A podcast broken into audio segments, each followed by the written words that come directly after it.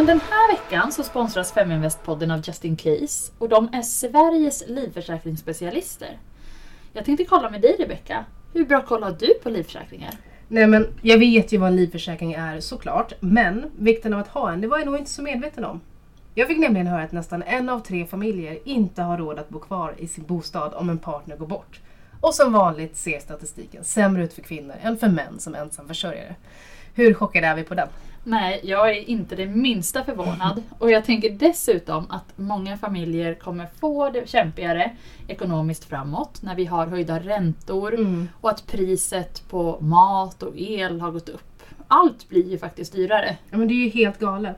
Och vet du, det pinsamma är att vi har pratat om just livförsäkringar hemma av och till, men inte tagit oss för. Och vet du vad jag tror? Nej, Jag tror att det är så vanligt. tror du det? Ja, det tror jag. Dessutom så läste jag jätteintressant statistik som visar på att svenskarna är väldigt duktiga på att försäkra sina saker. Mhm. Till exempel sin dyra handväska. Mm. Men man glömmer att försäkra sin familj. Vet du, jag kan tänka mig det. Men då måste jag ju bara fråga. Hur dyrt är det att teckna en livförsäkring hos Just In Case? Nej men det är inte speciellt dyrt och det är väldigt enkelt. Du kan gå in på deras hemsida och där kan du teckna försäkringar upp till 6 miljoner kronor. Och det som är så trevligt är att alla ni som lyssnar på Feminvest-podden får chansen att teckna en livförsäkring hos Just In Case och får sin första månad kostnadsfritt. Och det gör ni genom att gå in på www.justincase.se feminvest och följ instruktionerna därefter. Skaffa Just In Case idag.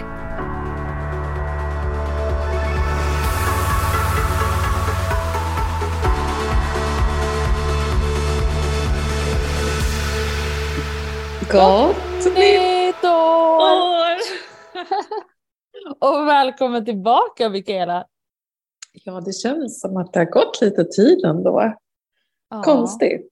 Det är inte bara ett nytt år, det är ett li- nytt litet liv här ute också och här är jag som just nu ligger och sover. Så då får man passa på att spela in poddis. Vi har ju faktiskt gjort några inspelningsförsök av podden tidigare under dagen här, eh, den eh, 2 januari som det är idag. Och det har gått sådär, men jag har stora förhoppningar för den här tagningen. Ja, jag tror också att det kommer gå hela vägen till slutet. Eh, det är ju så att vi har ju dels haft jul och också nyår här för några dagar sedan. Så det här är den första podden som vi släpper på det nya året. Vad gjorde du på nyår? Ja, men jag hade en så mysig och lugn eh, nyårsafton tillsammans med min mamma och en vän. Och vi käkade god mat och drack lite champagne till tolvslaget. Men klockan halv ett låg jag i sängen, vill jag lova. Ja, men du, det låter lite som min dag. Men alltså, det vet du vad? Min champagneflaska står fortfarande på kylning. Den är oöppnad, för jag somnade. Hur sjukt? Ah, hur sjukt? Jag tänkte på det. Man kanske får, får, så här, vi får göra som man gör när man har barn. Då brukar man, det finns en så här inofficiellt, eh, fast ändå officiellt, nyår klockan tio. Nyårslag för barn. För att man ska kunna få barnen i säng. Så man får fira vuxna nyår klockan tolv. Så då kan jag göra ett en extra nyår idag kanske. Ja, men jag såg faktiskt, jag såg någon vän på min Instagram som hade gjort det. Så här, jag har definitivt lurat mina barn att, att tolvslaget är nu. Något sånt där hade hon lagt ut. Ja, De hade ju jättetrevligt, jätteroligt de där barnen. Så ja, det är så bra. Mina barn var uppe men eh, det är ett ganska bra, bra sätt faktiskt att få dem i säng och ändå få uppleva tolvslaget. Ja, men i alla fall, så ett nytt år och eh, det innebär att man, eh, och jag tänker att vi kan, kanske i nästa podd eller någonting så ska berätta om lite om vad som hänt med hur bebisen kom till, höll på att säga, det vill ni inte veta. Det blir- det blir en annan podd. Ja. Men att bebisen gick till vid förlossningen i alla fall. ja det, absolut. det är alltid lite kul och spännande. Men eh, jag tänker att det är lite roligt när man har haft ett helt kalenderår och ett börsår att titta tillbaka på hur det har gått. Har du kollat på din eh, portfölj? det fanns en funktion i eh, Avanza då, som jag använder i deras app eh, som var så här, åh nu äntligen får du veta hur det gick under 2022 och jag har Inte äntligen. Nej, precis. Jag har knappt vågat eh, eh, klicka på den där knappen. För det var ingen vidare rolig eh, läsning och jag eh, får erkänna mig besegrad av väldigt, väldigt många det här året. Det är intressant, för dels har ju börsen gått ner för de allra flesta, eller portföljvärdet med, med börsen. Men sen också så har ju många börjat spara mindre i och med att det blivit högre kostnader. Så det är inte alls lika roligt på så många olika sätt. Eh, att titta på hur utvecklingen har varit om man jämför med de två tidigare åren där det bara varit happy-go-lucky. Liksom. Guld och gröna skogar. Verkligen. Det finns ju vissa börser dock som har gått väldigt bra under 2022. Jag Oh, tänker framför allt, och, och jag vet inte, det, är ju, det har ju hänt väldigt mycket saker som gör att den här börsen då som har gått upp så fruktansvärt mycket, det är nämligen den turkiska börsen som har gått upp över 200 procent.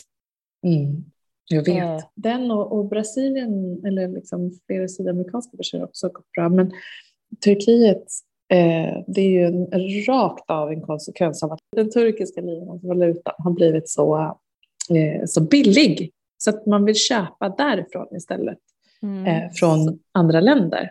Så Verkligen. exporten har gynnats. Ja, precis. Så alla de bolag som har en produktionskostnad i turkiska lira, men sen sina intäkter i, i dollarn, de har ju haft det helt fantastiskt. Mm. Men jag ska säga att inflationen i Turkiet har ju varit exceptionellt hög under hela året också. Eh, så att jag tror, liksom om den var uppe på typ över 80 procent bara i september, men den har, jag, jag har inte följt den under den senare delen av, eh, av året. Men ja, den har varit extremt hög hela året. Eh, så Ja. det mm, Nej, men det är ju ganska intressant det här för att Turkiets eh, regering, de har ju valt att fortsätta att sänka räntan, vilket är egentligen tvärtom vad man brukar göra när det är en hög inflation. Då vill man ju höja räntan för att få inflationen i, i schack. Spännande att följa det, men däremot har jag väldigt dålig koll på, på bolag på, på turkiska börsen. Har du haft några sådana bolag? Nej, jag har aldrig eh, köpt turkiska bolag faktiskt. Det har jag inte. Jag har inte några brasilianska bolag heller. Nej, inte jag heller. Jag har ju fick- haft ja. Vostok New Ventures har ju haft eh, lite exponering, så att, kanske indirekt genom att man eh, har ägt i den typen av bolag som, som, som äger bolag runt om i världen, men inte köpt där. Har Det du är det? jätteintressant att du säger det, för att jag har insåg att mina bolag är exponerade i stort sett bara mot Sverige, Mm. eller på svenska börsen, eh, lite USA, lite i Frankrike. Men utöver det så saknar jag jättemånga spännande marknader. Ju. Det finns ju så mycket möjligheter på andra delar av världen och på ett lätt sätt att få exponering mot dem är ju att ha fonder faktiskt. Men är det ett av dina nyårslöften då kanske? Ja, men det är det. Jag måste börja. Jag har pratat om det förut, att jag har så otroligt många bolag också i min portfölj. Eh, och det är för att jag, det finns så många spännande bolag som jag inte vill missa. Men samtidigt vill jag ju också hellre kanske ha spridning mot andra marknader. Så det är faktiskt en sak som jag ska titta på nu här i början på året. Att, ja, men vad finns det för spännande marknader i Asien till exempel? Så eh, få ner eh, liksom, innehaven till färre innehav om att allokera till, till andra marknader. Ja, det är min Mm. plan. Har Kul. du något eh, portföljslöfte för året? Ja, nej, men jag, jag är faktiskt ehm, eh, fortsätta bygga min utdelningsportfölj. Det är mitt fokus nu eh, primärt. Och dels har jag väldigt lite tid eh, just nu att eh, liksom gå in och analysera och följa enskilda aktier.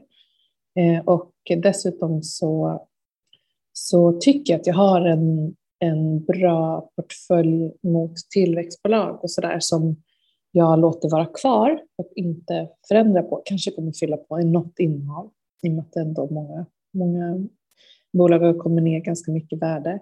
Jag ska säga så här, min, min strategi för det här året kommer ändå inte vara att fylla på med massa bolag som har hög risk, utan det finns inga säkra kort, men gå för säkrare kort i alla fall.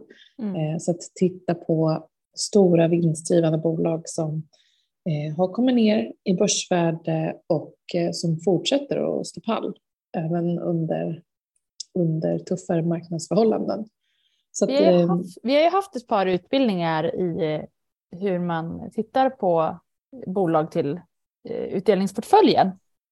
Eh, och då pratar vi mycket om att i Sverige delar man inte ut så ofta, oftast en gång per år bara och att man tittar mer kanske på USA eller andra marknader för att få en, en regelbunden utdelning. Hur tänker du där? Ja, men jag har faktiskt, eh, jag fyller på i, den, eh, i min kapitalförsäkring då, med, med lite bland annat amerikanska eh, ut, högutdelare. Men eh, även, eh, även svenska bolag. Det finns ju ändå svenska bolag som ändå ger en, en bra procentuell utdelning varje år. Men jag kommer inte att köpa så mycket mer i, i tillväxtmarknaden. Jag har en, eh, eh en liten fondexponering i, mot en global eh, liksom tillväxtmarknad. Som en krydda i portföljen? Ja, men exakt. Ja. Eh, men hur tänker du med typ fastigheter då? Jag menar, Castellum slopade sin utdelning och frågan är ju vad som kommer hända med de andra fastighetsbolagen. Jag undrar hur många tänker där om man kommer fortsätta att köpa fastighetsbolag eller om de kommer plocka ut fastighetsbolagen från utdelningsportföljen framåt för att man tror att det kommer pausas på kort sikt. Ja, fastighetsbolagen har väl inte varit någon sådär jätterolig historia under 2022. Eh, jag har inte heller jättemycket fastigheter i, i min portfölj, men något, något bolag har jag. Eh, men vi måste ju tänka dels räntehöjningarna som har varit och att det inte kommer troligen några räntesänkningar inom närmsta tiden. Eh, så det är dyrt för bolagen. Många kanske kan lyfta över sina, om man har hyresgäster till exempel, kanske man kan lyfta över sina kostnader på hyresgästerna. Men, men många fastighetsbolag drabbas ju hårt av, av elkrisen också, så är det ju. Mm, ja, de kommer, kommer ju absolut att höja räntan, många fastighetsbolag eller höja hyresavgifterna för sina hyresgäster under det här året i och med att inflationen var så hög eh, och fortfarande är hög. Men som du säger, Fed har ju så flaggat för en högre räntebana, gjorde de ju nu i december. Eh, och eh, även om de bara sänkte 0,5 eh, sist, eller bara, jag blev så vana. Det är konstigt hur man blir van fort vid liksom, nya marknadslägen. Det är lite läskigt faktiskt. Ja, men det är också några bolag som har stått pall för 2022. Jag tycker det är lite intressant att lyfta några som har gått bra. Om man tittar då på Stockholmsbörsen eller på OMX då, som den kallas, så har den ju faktiskt gått ner närmare 15 procent under 2022. Men det finns några riktigt starka vinnare. Ja, men tack och lov för det sånt här år, måste man säga. Det är det man kan liksom fokuserar på det är bland annat Oren Energy eh, som är satsningen på hållbar energi som kommer ifrån för detta Lundin. Lundin Petroleum som de hette för ett tag sedan så bytte de till Lundin Energy för att liksom distansera sig från fossila bränslen eh, och nu är det då Oren Energy som har gått upp 197 procent. Det är ju fantastiskt. Det, det är helt galet. Och det är väl en signatur också för året som var. Verkligen. Det var mycket fokus på energi. Energi är en, en eh, viktig fråga och kommer nog att vara det många, många, många år framöver. Eh, energi av olika slag, alternativa slag. Mm. Eh, men det är också nummer två på den här listan tycker jag är lite intressant över de vinnarna på den stora listan på Stockholmsbörsen. Det är Saab som är där. Det, det, känns ju också ganska sorgligt. De är ju där av en anledning och det är ju för att de tillverkar vapen. Mm. Och jag vet att de satsar och växer så mycket. Bland annat i Uppsala där jag fick höra att eh, en bekant till mig har fått jobb på Saab för de ska etablera sig i Uppsala nu framåt. Men det händer så mycket eh, helt enkelt för det här bolaget och eh, ja, eh, två toppvinnare som representerar året som var. Med, med liksom de stora, dystra, mörka molnen som täckte vår börshimmel. Så kan man ju säga. Ja, precis. Två, två solstrålar i eh, bottennappet. Ja, ja, exakt. Eh, sen så har vi ju Swedish Match såklart, som vi också pratat om tidigare, eh, som dock eh, blev uppköpta. Så de finns ju inte kvar längre. Eh, och eh, eh, gick upp 58 procent.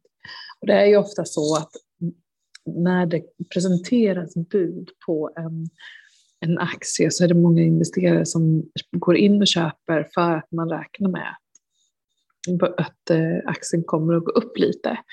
Och det är också så att när det har varit som det har varit under det här året, att bolagen blir billigare.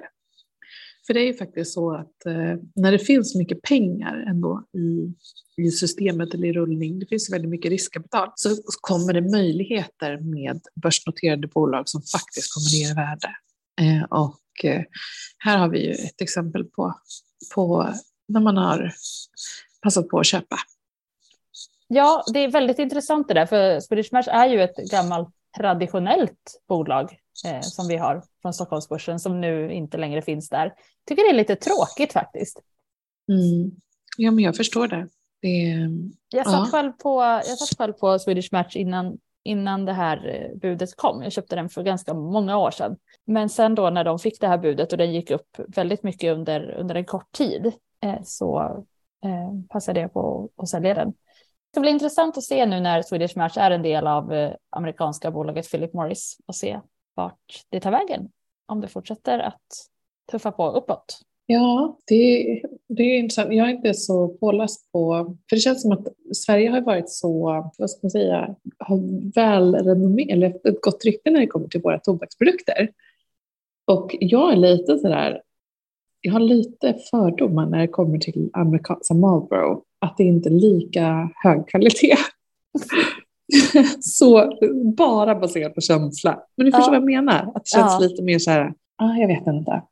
Men eh, vi får se vad som, vad som händer om man, vill, om man bevarar, det är det jag tänker, bevarar man det här liksom, nordiska eller svenska i varumärket eller kommer det att vattnas ur på sikt?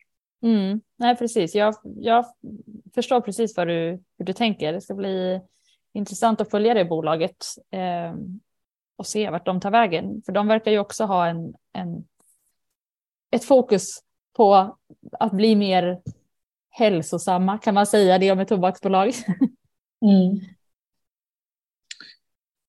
Um, ja. Men ska vi, ska vi gå vidare och bara, vi har ju pratat om, det är inte jättekul att prata om allt som har gått ner, men vi kan bara nämna lite kort kring de förlorarna på den stora listan på OMX i år eh, som då i, toppas av bolaget Storskogen.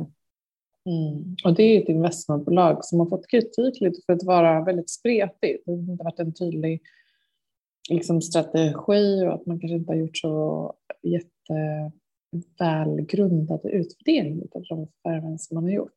Mm. Och också vuxit eh, väldigt, väldigt snabbt men i en helt annan marknad. Eh, så de har backat 88 procent. Ja, det är helt galet. Och inte långt efter så följer BHG Group med 81 procent minus. Där hittar vi till exempel Bygg Hemma, Trademax, Furniture Box. Många av de bolagen som jag själv brukar handla hos faktiskt och eh, BHG var ju en pandemivinnare. Ja, och det är väl det vi ser också, att nu blir det också väldigt tydligt att så här bygg är det som har drabbats. Så dels både vi som privatpersoner men också byggindustrin. Eller liksom man, inte, man köper inte lika mycket material från ett business to business perspektiv. Men också att några av de här bolagen är väldigt eh, fokuserade på privatpersoner.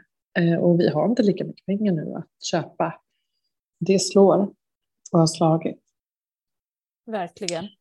Men en annan sak som jag tänkte på från vinnarlistan som är, det är ju eh, BioArctic eh, som eh, eh, har, eh, forskar på hur man ska kunna motverka eh, utvecklingen av Alzheimers och sådär. Eh, och de det har varit lite drama runt i slutet av året också, för den aktien har också gått upp jättemycket. Eh, och Gunilla Osvald, där, vd där, men i slutet av året så har det kommit fram flera dödsfall kopplade till deras kliniska studier som inte eh, deras eh, partnerbolag i Japan har tagit distans ifrån det här i sin kommunikation och sagt att det inte finns någon, några tecken på att, eh, på att det här skulle vara på grund av att de har tagit eh, deras preparat. Men ändå, det är väldigt dramatiskt ändå att få den typen av PR när man har, för jag menar, när de fick, eh, presenterade sina resultat så har ju, stack ju aktien med närmare, men kan, det är i alla fall långt över 100 procent. Och vad gjorde Eh. det här senaste uttalandena med, med kursen? Men det var ju det externa, det är externa liksom, eh, läkare som har uttalat sig om att eh, personer då har dött att man har varit en del av den här kliniska studien. Eh, Men det är ju så att många som har Alzheimers eller så, de har ju också ja, många andra sjukdomar och det kan vara svårt att kanske dra paralleller till eller kartlägga att det faktiskt är direkt kopplat till att man har tagit den här medicinen. Eh, Men eh, det är ändå, jag tror det var tre olika dödsfall som har lyfts under slutet av året då, som, som, eh, där någon ändå har utifrån ett kommunikationsperspektiv har sagt att så här, "Men det här kan ha med lecanemab eller som den, eh, den eh, medicinen kallas. Jag, tror, Mm. jag, vet många, Lecanemab. Mm. jag vet många av våra följare och de som lyssnar på oss som är intresserade av life science. Vi borde ha ett life science avsnitt. Ja, absolut. Eh, det borde du absolut göra. Det är otroligt många som, som, som drabbas av ja, Alzheimers för, till exempel, som jag själv har i, i min familj. Mm. Eh, Så jag tror att det skulle vara av intresse att eh, veta mer om det. Mm. Ja. Men- Innan vi går vidare Mm. så vill jag också bara slå ett slag för min... Kommer du ihåg en av de första poddarna som jag var med där jag pratade om hur jag jobbar med budget? ja, absolut. Du hade ju en månad där. Ja, precis. Då följde jag mina köp varje dag och la upp eh, en budget för varje dag. Men nu är det nytt år och nya möjligheter, så jag vill bara slå ett slag för att se över sina budgetar nu när de också förmodligen har förändrats under hösten. Eh, För jag har sett att många eh, bolag där du har en, en månadsdragning från ditt konto så är det i många fall som många har höjt eh, avgiften för deras tjänster. Och det går ju faktiskt ofta att förhandla ner det där några kronor. Så Mm. jag uppmanar er, gå in och kolla på era budgetar, eller först och främst gör en budget och se hur, hur det ser ut med era månadsabonnemang och era utgifter. Eh, För det finns mycket pengar att spara. Och sen har jag också gjort så att många fakturor, till exempel eh, försäkringsfakturan, den är ofta på kvartalsvis eller halvårsvis. Istället som man får en tydligare översikt för sina pengar så kan man ha det som att det dras månadsvis istället. Det kan kosta några kronor mer per månad, men då vet man i alla fall att varje månad så är mina utgifter exakt så här mycket. För jag tror att det är många nu som har det tuffare eh, med ekonomin och ska få Eh, plånboken och få ekonomin att gå ihop. Ehm, så att det är mitt tips. Mm, det var ett eh, jättebra tips inför det nya året. Ehm, och apropå de här förlorarna också. För jag var en person som sa till mig så här. Du, ska man inte gå och köpa ehm, det var inte Storskogen, vilken aktie var det? Jo, det var Tesla. Ja. Den person som bara, men vet du, den har gått ner så mycket. Och jag sa så här, vet du vad? Nu, nu är inte rätt tid att gå in i Tesla. För att det är så mycket osäkerhet runt eh, och många som ogillar Elon Musks liksom, eh, flytt, förflyttade fokus på Twitter och att bygga affären där. Och också förtroendet för honom har liksom dalat lite från även förvaltare. Jag såg en undersökning på amerikanska förvaltare där majoriteten av dem sa nej men vi har inget förtroende kvar för, för Teslas eh, vd. Och det här är ju jätteviktigt att hålla koll på för att analytiker de är ju som marknadsförare nästan av en aktie. Så att förlor, stora förlorare som kanske ser billiga ut från 2023, gå inte in i dem just nu för att du tänker men här finns en comeback-möjlighet, utan var försiktig. Eh, det är någonting som jag skulle vilja skicka med nu inför det nya året. Att allt som har backat mycket är inte bra. Det Även de stora vara, bolagen, jag menar som Ja. Tesla exempelvis, eh, just nu så skulle jag avvakta. det kan ju vara bra att låta aktien vända och att den börjar och att man ser ett tydligt skifte, att den börjar trenda uppåt igen innan man går in. Mm, För det här med att försöka pricka en botten, det vet vi som bekant att eh, det är väl rent av omöjligt. Och för den då som funderar på men vad är det för vad är en trend? Ehm, då tänker jag men det, det kan vara över en lite längre tidsperiod om det är typ 20 dagar eller ehm, ja, Och sen också titta i eh, kvartalsrapporterna och se, verkar det som att eh, det här bolaget fortfarande tjänar pengar? Nu är det ju många bolag som inte tjänar pengar, de här tillväxtbolagen, eh, som mm, vi ändå vill flagga för att, att man ska vara lite försiktig för. Eh, Ser du vilken stor kaffekopp jag har by the way? du var Nu, här på det kaffe. kaffe. Här bälgas det kaffe nu när man har en småbarnsförälder. Det är så stor skillnad. För innan så drack jag inte jättemycket kaffe. Så bara vips på typ 24 timmar så bara sitter man med ett sugrör. Så. Ja, nej, och den där champagnen du pratade om som du hade kvar för kylning också. Kanske blir det champagne ikväll. Det är ju ändå måndag. Det är de bästa dagarna tycker jag, att dricka champagne på. Man ska Ja. dricka champagne när det inte är så hajpat att här ska det serveras champagne. Det är så trevligt. Ja, nej men vi har ju massa spännande förlorare och vinnare på vår lista. Vi kanske ska lägga ut det på våra, på våran, i vår Facebookgrupp kan vi göra. Några av förlorarna och vinnarna och så frågar vi vad man tycker om dem. Så att om du lyssnar på podden så kan du gå in i vår Facebookgrupp och så titta på några av de bolagen som både varit vinnare och förlorare för 2022. Eh, vi är ju så glada i alla fall över att vara tillbaka. Den här veckan så har vi en ett intervju med ett jättespännande SaaS-bolag som eh, heter Cliently. Och den intervjun spelade vi in när jag var gravid. Vi kanske ska säga det så inte folk tror att vi har, har tjuvöppnat den här champagnen i, idag innan inspelningen. Utan det händer ju att vi refererar till, till att du är gravid i, i vissa avsnitt av podden. Ja. Och det är bara för att den spelades in lite före bebisen kom. Eh, som sagt, vi får återkomma till den roliga historien om hur för- förlossningen gick till. Eh, roligt för er del, mer smärtsamt för min del var det. Men det ska ju sägas att jag faktiskt cyklade till förlossningen. Och det var ju lite otippat. Det måste vara något sorts rekord. Vem gör ens det? Och jag kommer ihåg några dagar senare, jag bara, men Magnus, vi måste hämta cykeln. så sjukt. Jag var så rädd att någon skulle ha stulit den också, men den stod där. Ah, ja, hörni, önskar ett gott nytt år. Eh, skicka in era bästa tips på vad ni gör för eh, förändringar i era portföljer det här året. Eh, så ska vi dela det också i kommande avsnitt. Det är kul. Ja, verkligen. Och också dela med er. Vad är det ni vill lära er mer om under våren? För vi har ju nu satt alla våra utbildningar för första kvartalet. Men snart kommer det vara, vips säger det så kommer det vara maj. Ja. Så. Dela med er av vad ni vill ha så att ni verkligen får ut så mycket som möjligt av att följa oss. Mm. Men du, känns det bra att ha mamma hemma? Så mysigt. Mm. Det är helt underbart. Hon var borta länge. Ja, hon var bort- borta två månader på Zanzibar. Hon kom ju hem Ja. också med, ett, eh, med, ett, eh, med en gård, med en mark och ett litet hus, en hydda.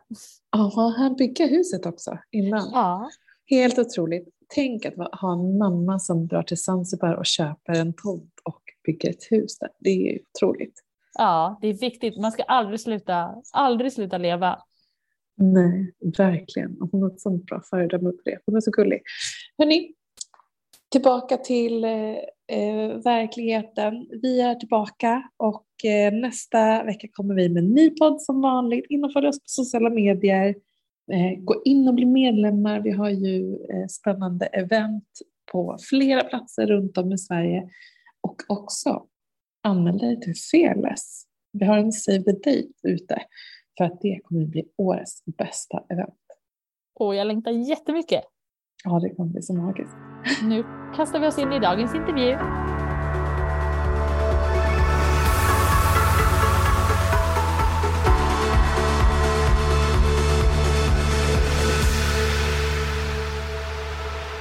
Det här med att använda sig av advokater, jag vet ju mig själv med Feminvest eh, och liksom alla ambitioner som vi har. Man vill göra rätt från början eh, och säkerställa att det liksom, man får rätt avtal på plats och så vidare. Det låter som huvudvärk. Nej men, och det är så dyrt. Dyrt, ja. Alltså det kostar så mycket eh, pengar i tidigt skede. Om man då vill lägga alla de här liksom, grundläggande juridiska, få de dokumenten på plats tidigt. Och jag tänker så här, hur vet man vad man ska ha för papper ens? Nej men exakt. Och sen dessutom utöver det, eh, som privatperson, jag vet inte hur eh, liksom många vänner du har, men jag har konsulterat tre vänner de sista veckorna som ligger i någon form av skilsmässa. Eh, och, eh, eller separerar eller... Och det är ju statistiken talar sitt klarspråk. Det är liksom hälften av alla relationer. Och det här också, det är så dyrt och man vet inte vart man ska vända sig. Därför tycker jag att dagens podd är superspännande. Ja, för nu finns det ju faktiskt någonstans att vända sig. Ja, och faktiskt där man kan liksom få en, en plattform där man kan få hjälp med allt ifrån det här privata eh, som man behöver tänka på, även om det kanske är jobbigt när man är kär eller nyförälskad eller när man liksom inte vågar ta i den där konflikten när den väl har inträffat. Eh, men också för oss företagare där ute. Mm. Idag har vi eh, Nadja och Anuta från Cliently på besök i podden. Stort välkomna! Tack så mycket. Tack så mycket. Och jag tycker att så här, när man tänker på liksom, jag funderade själv på att läsa juridik i Uppsala som jag kommer ifrån.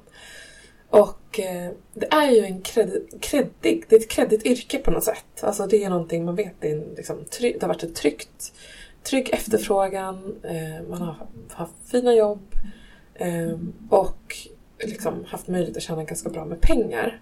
Men eran resa har lämnat det på något sätt. Och att försöka så här mer hjälpa till och säkerställa att många får hjälp. Det är en ganska stor förändringsresa, eller? Ja, mycket i, i vår äh, karriärsresa har handlat om att vi tror ju på att man kan driva en affär med ett gott hjärta. Och att det goda hjärtat behöver inte lämna affären, utan de där kan faktiskt gå hand i hand. Och det var ju precis det som också gjorde att vi ett år efter examen startade och lanserade en juristbyrå helt i gröna.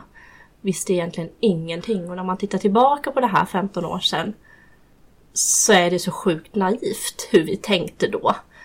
Liksom sätta upp ett kontor på Linnégatan med jättemycket pengar och vad det kostade och inte en enda klient. Aldrig suttit i rätten. Eh, men vi tyckte att det fanns otroligt många människor som behövde just där och då prata på sitt modersmål som inte riktigt fick den hjälpen de behövde i sitt juridiska ärende.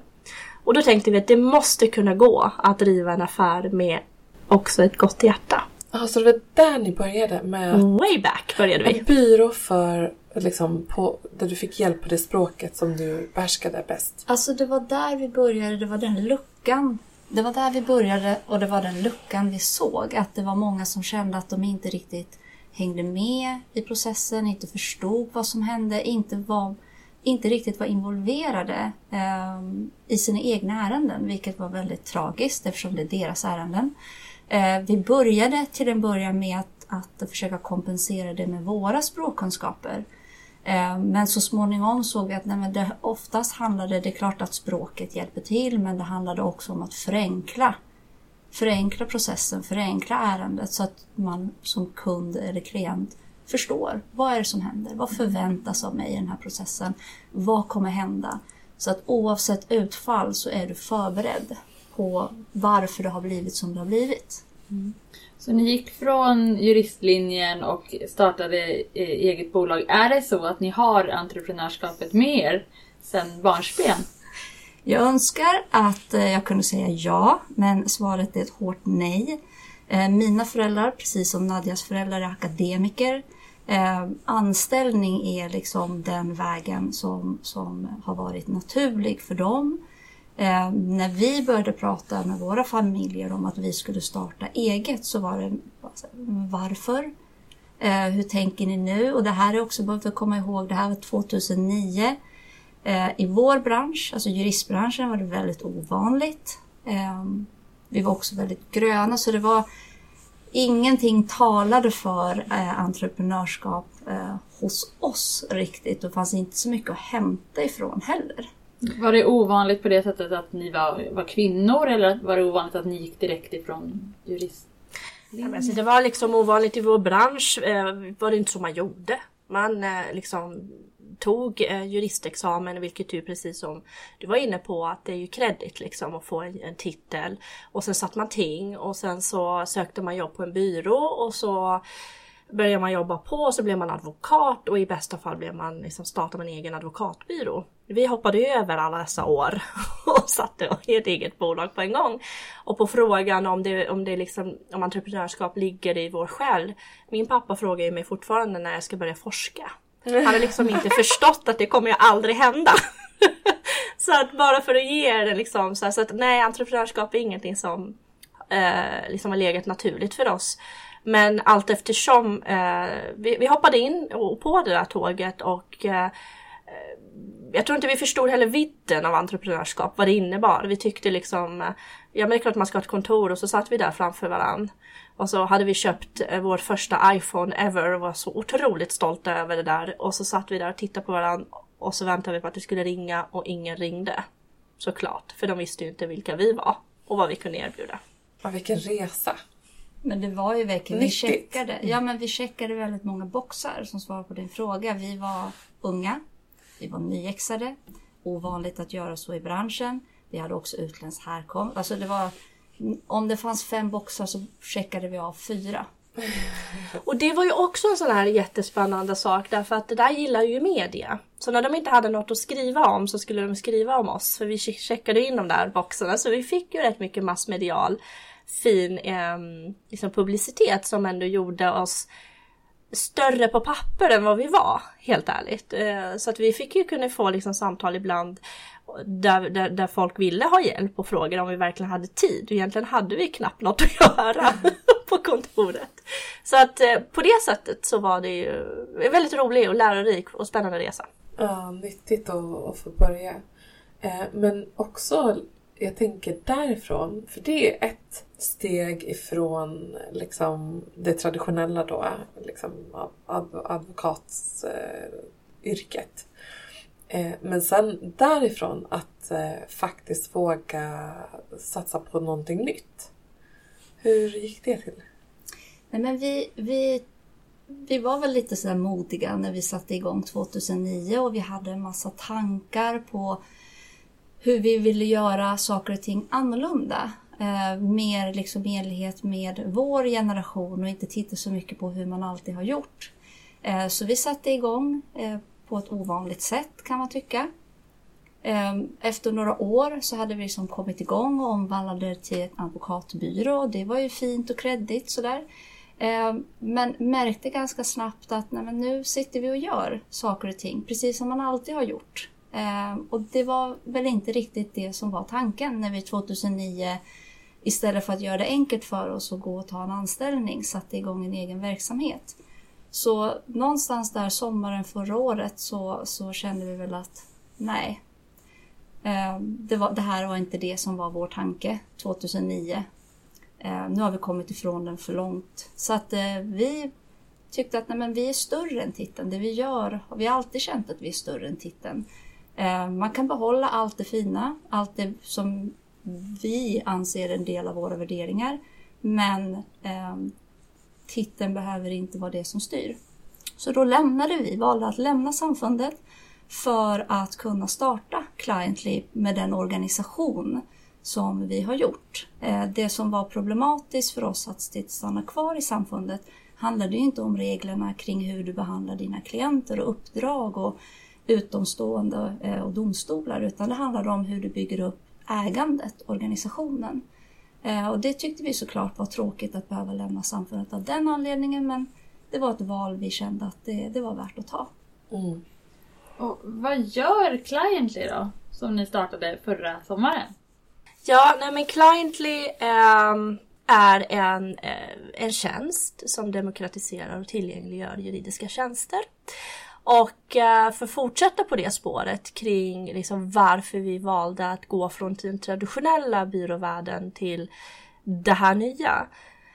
Eh, handlar ju också om att vi har en, stor, en vision som är mycket större än bara arbetet på enskildsnivå. Och ja, vi har ju otroligt mycket respekt för våra advokatkollegor som kämpar dag in och dag ut i domstolar på enskildsnivå, vilket vi också har gjort. Men den visionen vi har är att fler ska kunna tillskansa sig juridiska tjänster på ett enklare sätt, på ett eh, lätt, lätt, lättbegripligt sätt, till ett kostnadseffektivt och kunna prata med jurist på direkten så att säga. En, ett, få ett personligt möte med jurist. Och då eh, har vi tänkt, hur gör man detta? För trösklarna är ju otroligt höga till en advokat. Det är det som är grejen. Men många väntar in i det sista när det riktigt brinner där ute. Som man faktiskt tar tag i det där. Och det ville vi ju ifrån. Någonstans ska människor bara kunna ta och boka ett samtal snabbt. Och då lanserade vi Cliently. Cliently är en app som man kan ladda ner.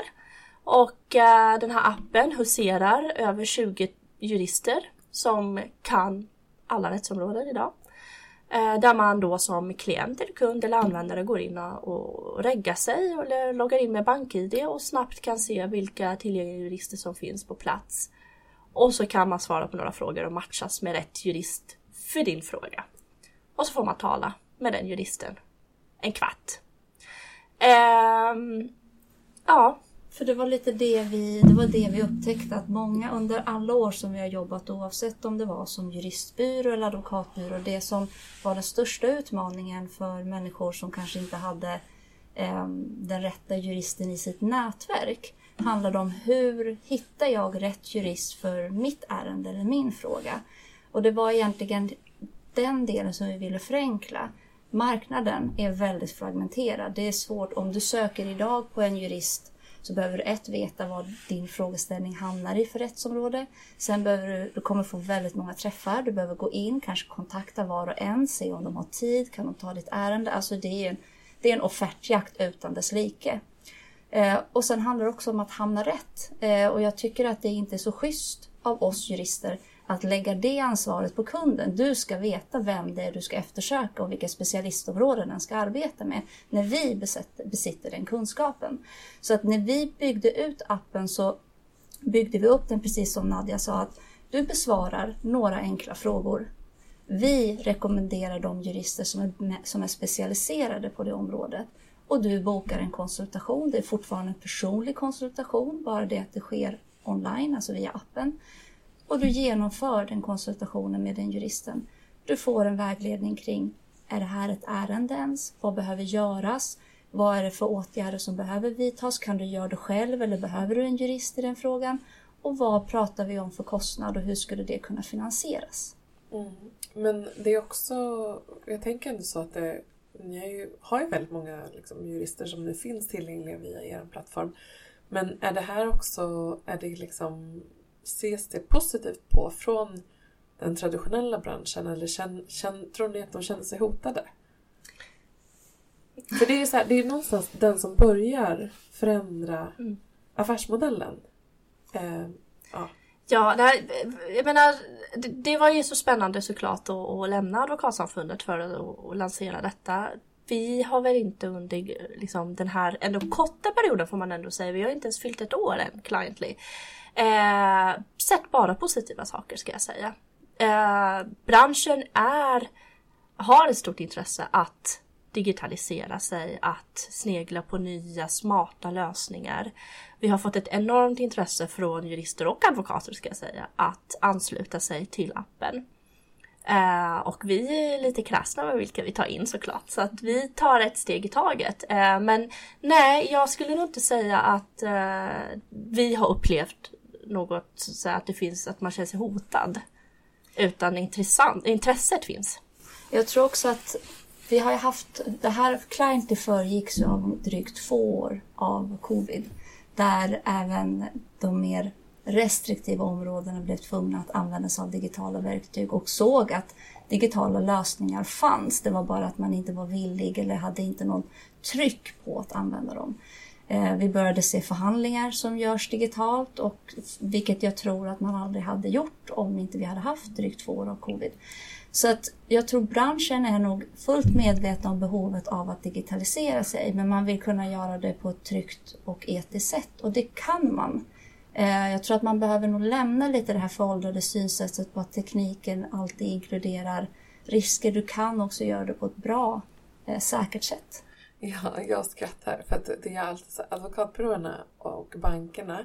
Det är alltid de som har så svårt att komma in och dela dokument på Google Drive eller på något så här. De har bara så här, de har sitt system och det är säkert. Och så här, allt annat är en potentiell risk.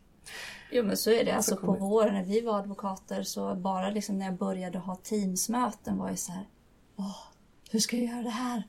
Så att, nej men vi, är- vi ligger efter. Ja, vi ligger otroligt mycket efter och det har vi också märkt liksom när vi startade vår legal tech-resa eh, där vi liksom började använda, gick över till Google, eh, Google Meets till exempel och sådär. Så att det är rätt föråldrat alltså när man har med advokat, eh, advokater och jurister att göra och det man vill helst inte, det är lite grann som att det finns ett motstånd, ett inre motstånd mot eh, digitalism liksom. Eh, samma sak med siffror, det är att prata med mig, nej men jag kan inte siffror, jag, jag kan inte teknik. Så här. För att man ska bara ägna sig åt det man tror sig kunna. Ordets makt och tolkning av ord, det ja kan man. men exakt och jag tror att många när de tänker på legal tech tänker direkt att ja, men då pratar vi automatiserade avtal. Nej men det tycker inte vi är lämpligt och vi menar på att nej, men allt handlar inte om automatiserade avtal utan du kan använda digitala verktyg till att förenkla tillhandahållandet av dina tjänster. Du gör det med exakt samma etiska grund, du gör det på ex- med exakt samma kvalitet men du förenklar hur den liksom levereras. Och någonting som vi är väldigt, väldigt stolta över under den här korta perioden som vi ändå har funnits Ehm, är att vi har kunnat erbjuda människor det som vi kallar digifysiska möten. Eh, som man snabbt då kan få. Och bara en sån enkel sak som alla dessa människor som behövde tvingades lämna Ukraina eh, initialt. De människorna, väldigt många ringde in till oss. De laddade ner appen och kunde stå på gränsen mellan eh, Ukraina och Polen, Ukraina och Rumänien och ringa till oss. Och där tänker jag, vilken annan byrå har kunnat leverera det? Men det var ju också för att vi öppnade upp en tunnel eh, för att möjliggöra kostnadsfria samtal. Eh, och det kunde vi göra. Eh, det, hade vi, det hade varit mycket, mycket svårare från vår traditionella byrå helt enkelt. Så att precis som Nadja sa i början, du kan driva affärer med ett gott hjärta. Det, det ena utesluter inte det andra. Nej. Ja, det är ju fantastiskt. Och när vi, när vi pratar också lite om andra marknader, vilka marknader finns ni på? Eh, och hur ser ni på framtida expansion? Alltså visionen med Cliently helt enkelt, det är, jag kan också nämna det att vi idag har jurister på 11, som behärskar 11 olika språk. Appen är konverterbar på fyra olika språk, alltså svenska, engelska, persiska, arabiska, så du kan navigera dig genom hela appen. Från nedladdning till att du bokar Eh, på, det, på ett av de här fyra språken. Eh, visionen med Cliently är att egentligen vara one shop stop.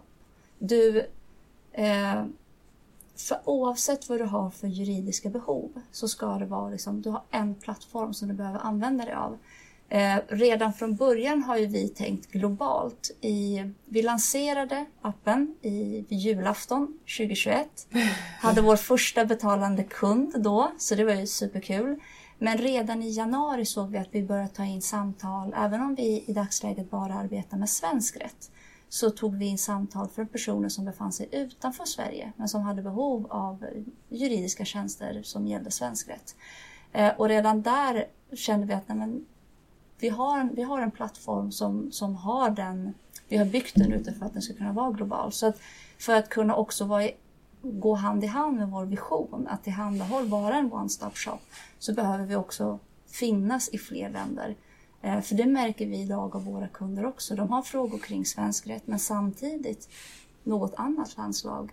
Vi reser så mycket. Vi kommer från ett land, vi arbetar i ett, and, ett annat land, vi skaffar hus i ett tredje land och kanske vill pensioneras i ett fjärde land. Vi, vi är inte begränsade eh, på det sättet, när vi, på det sätt vi lever. Så ambitionen är att Cliently ska finnas över hela världen. Vi har väldigt stora planer eh, och ambitionen är att vi ska kunna ha jurister överallt. Så att det handlar inte om att vi ska ta en marknad utan vi ska ta, finnas överallt för att kunna erbjuda människor juridisk, tillgång till juridik oavsett var man befinner sig. Eh, och oavsett vilket landslag man, man nu har frågor och ärenden i. Eh, och sen är det det där liksom att vi skapade en app direkt på fyra olika språk är också för att det finns ett stort segment människor som inte, om man tittar på andra eh, appbolag, men health tech och, och sådär till exempel. Eh, jättebra tjänster, fantastiska, men då måste man ju fatta språket för att ens kunna logga in och boka ett möte. Och där tänkte vi direkt att det där vi vill inte liksom att de här människorna inte ska ens kunna använda våra tjänster. De ska kunna förstå och begripa rakt igenom. Men eh, affärsmodellen då? Man kan boka eh, när som helst, hur som helst, ett digitalt möte oavsett vilken fråga man har så länge det har eh, liksom någon juridisk förankring. eh, och du får en kvart. Och vad betalar man för det då? Jo men så här, eh, det ordinarie eh, videomötet är ju på 15 minuter. Vi har också möjlighet till 30 minuter. Ehm, så 15 minuter kostar 349 kronor inklusive moms. Vill du ha 30 minuter, som är då max, ehm, då dubblas egentligen priset helt enkelt. Ehm, du, du, och det är klart det ska gälla juridiska frågor.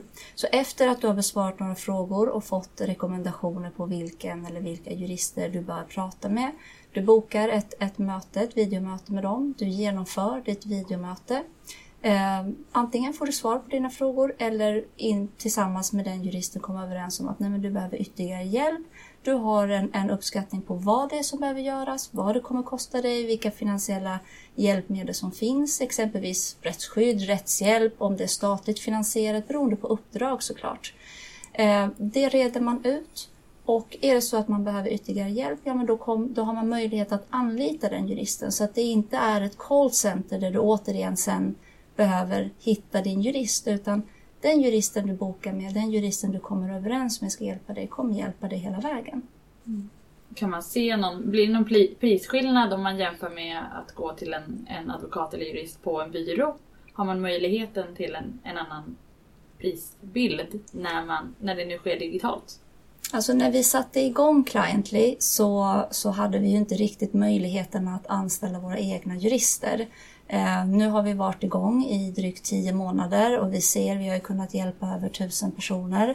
Eh, vi ser också att många av dem har juridiska ärenden. Så att det vi lutar mot nu är, och med att vi också har siffrorna är att börja ta, eh, ta in anställda. Då kommer vi också kunna sätta prislistor på ett annat sätt. Idag har vi ju prislistorna från konsulterna eh, som vi samarbetar med. Men det blir en helt annan modell och möjlighet när du har dina egna. Och det är dina egna prislistor som du sätter.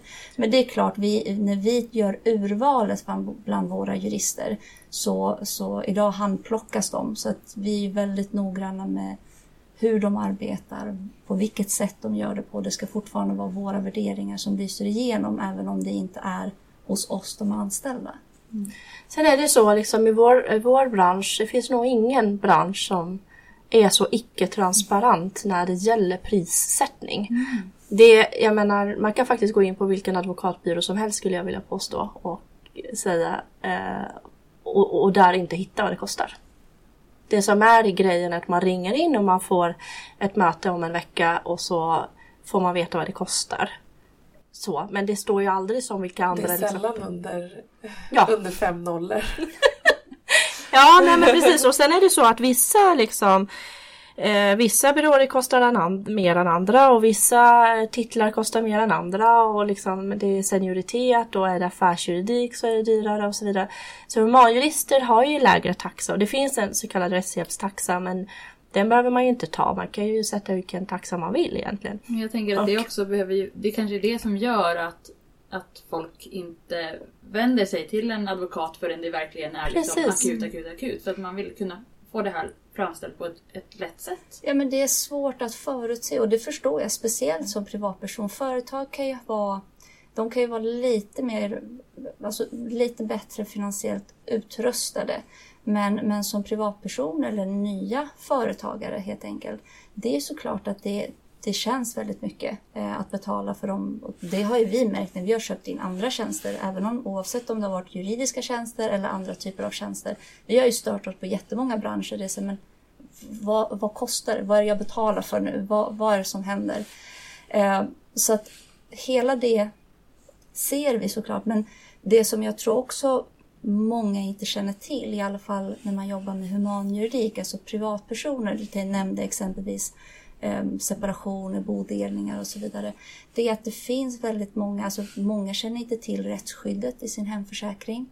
Eh, rättshjälpsmöjligheten, alltså hjälp att kunna få eh, hjälp med finansieringen. Eh, jag tror att går man ut mer med information kring det förklara men den här typen av ärendet skulle du kunna få finansiell hjälp med att betala dina ombudskostnader. Så blir det också lättare att kunna, men då blir det kanske inte så, några procentandelar ska jag betala, rättsskyddet kanske ligger på 20-25. Det är hanterbara kostnader till skillnad från 100 procent ska ligga på mig, kanske. Men mm. mer förutsägbarheten.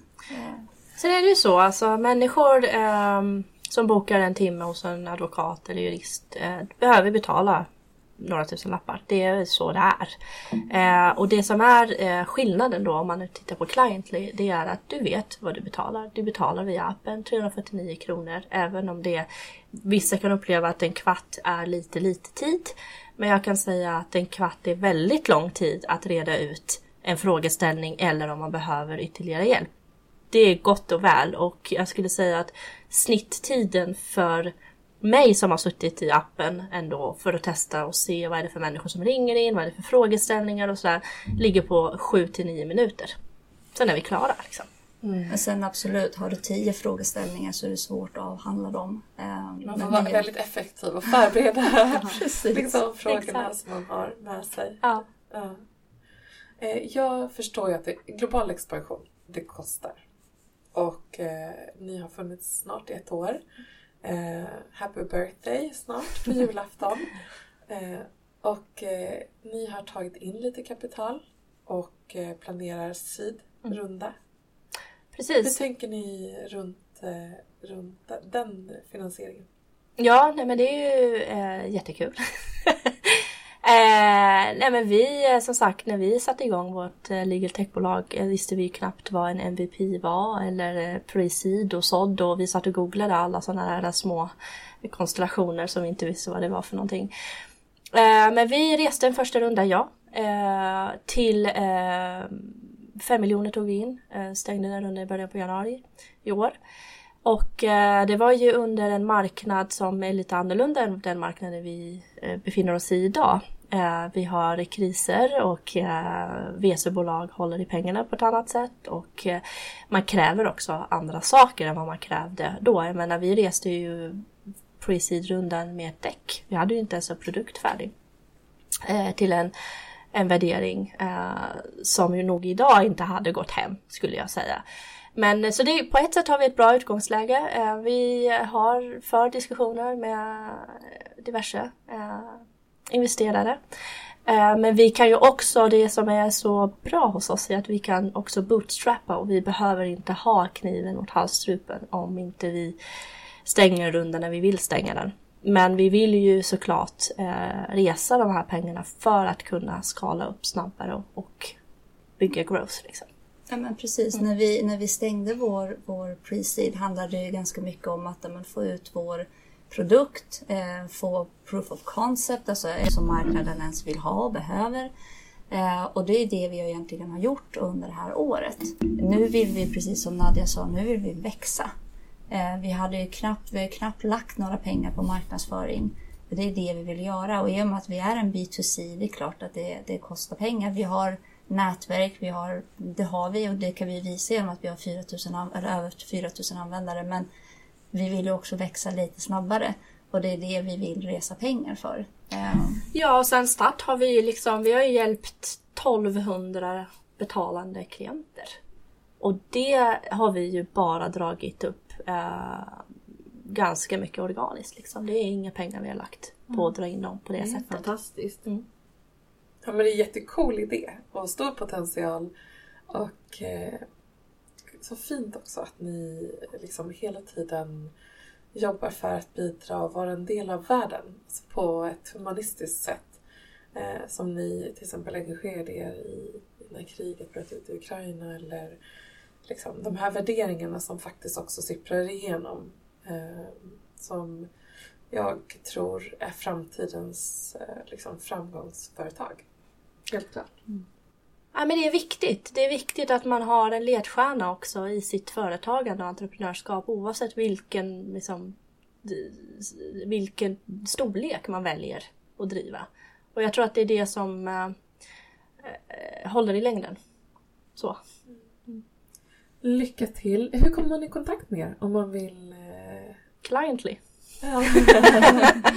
Du menar om man behöver juridisk hjälp? Ja, eller vill eh, komma i kontakt med er två kanske till och med.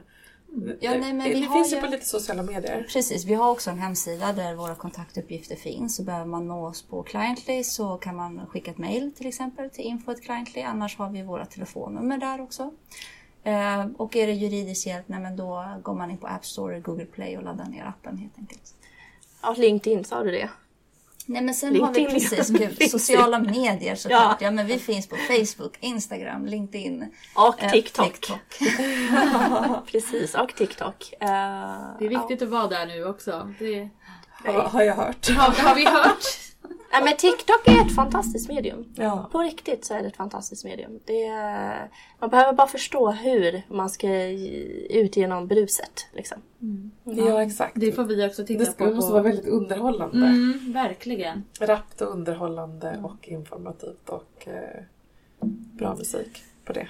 Ja, Ja, eller, eller egentligen täppa till någonting som inte finns där. Det är ju någonting du har gjort Nadja. mm, Nadja gick ju från en, det, på en vecka kom du över, vad var det, 2000? ja jag har precis. Jag satte igång mitt TikTok-konto eh, i början på september och eh, har hittills närmare 8000 följare.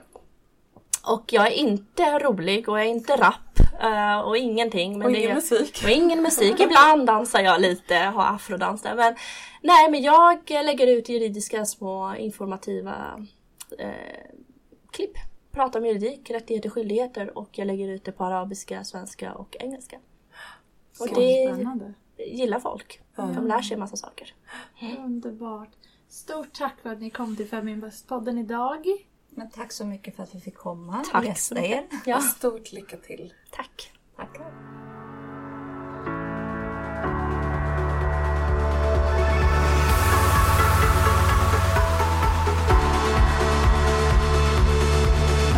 Här avsnittet av Feminvest-podden sponsras av Freetrade och det tycker vi är superroligt. Och det är nämligen så att Freetrade tror på courtagefria investeringar och det betyder att du aldrig behöver betala courtage när du investerar inom Freetrade. Och genom Freetrade så får du också tillgång till så kallad fraktionshandel av amerikanska aktier. Och det innebär att du genom en så kallad andelsorder kan investera från så lite som 25 kronor i de största bolag såsom Google, Tesla och Apple. Och just nu kan du genom deras app handla de mest populära amerikanska aktierna via ett ISK. Då betalar du endast en växlingsavgift på utländska aktier. Och vet ni vad? I början av 2023 lanseras även svenska aktier. Vilket också betyder att du inte betalar en enda krona i courtage för att handla på den svenska aktiemarknaden. Och appens design gör det enkelt att handla och det passar allting från nybörjaren till den mer erfarna investeraren. Och i Storbritannien har Freetrade redan över 1,4 miljoner investerare. Och dessutom så har de vunnit British Bank Awards utmärkelsen Best Online Trading Platform de senaste fyra åren i rad. Och lucky you, för nu kan du bli en av de första i Sverige att investera med Freetrade. Du kommer lättast igång genom att gå in på freetrade.io feminvest. Och för dig som äger en iPhone kan ni redan nu ladda ner appen. Har du däremot en Android så tycker jag att du ska passa på att skriva upp dig på väntelistan för att få återkomst till Freetrade-appen i början på nästa år. Och som vanligt, kom ihåg att investeringar innebär en risk. Tidigare värdeutveckling är inte en garanti för framtida avkastning. Och värdet på dina investeringar kan gå både upp och ner och du kan få tillbaka mindre än din ursprungliga investering. Freetrade tillhandahåller inte investeringsrådgivning. Och som enskild investerare bör du därför själv ta reda på vilken investering som är bäst innan du fattar ett beslut. Alternativt söka oberoende rådgivning. Medan handel på freetrade är courtagefritt så kan andra avgifter tillkomma. Regler och villkor för ISK och allmänna villkor gäller. Så gå in på freetrade.io 5invest idag.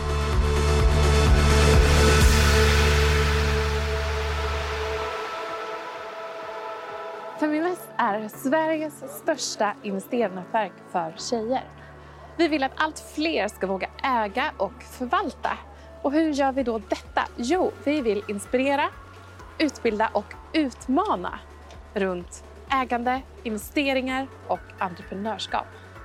Följ Feminvest på våra kanaler Facebook, Instagram, Youtube. Varje vecka så kommer vi även ut med en podd och du kan ju självklart även följa nyheterna som publiceras på feminvest.nu. Det är bara att söka på Feminvest på samtliga kanaler så hittar du till oss.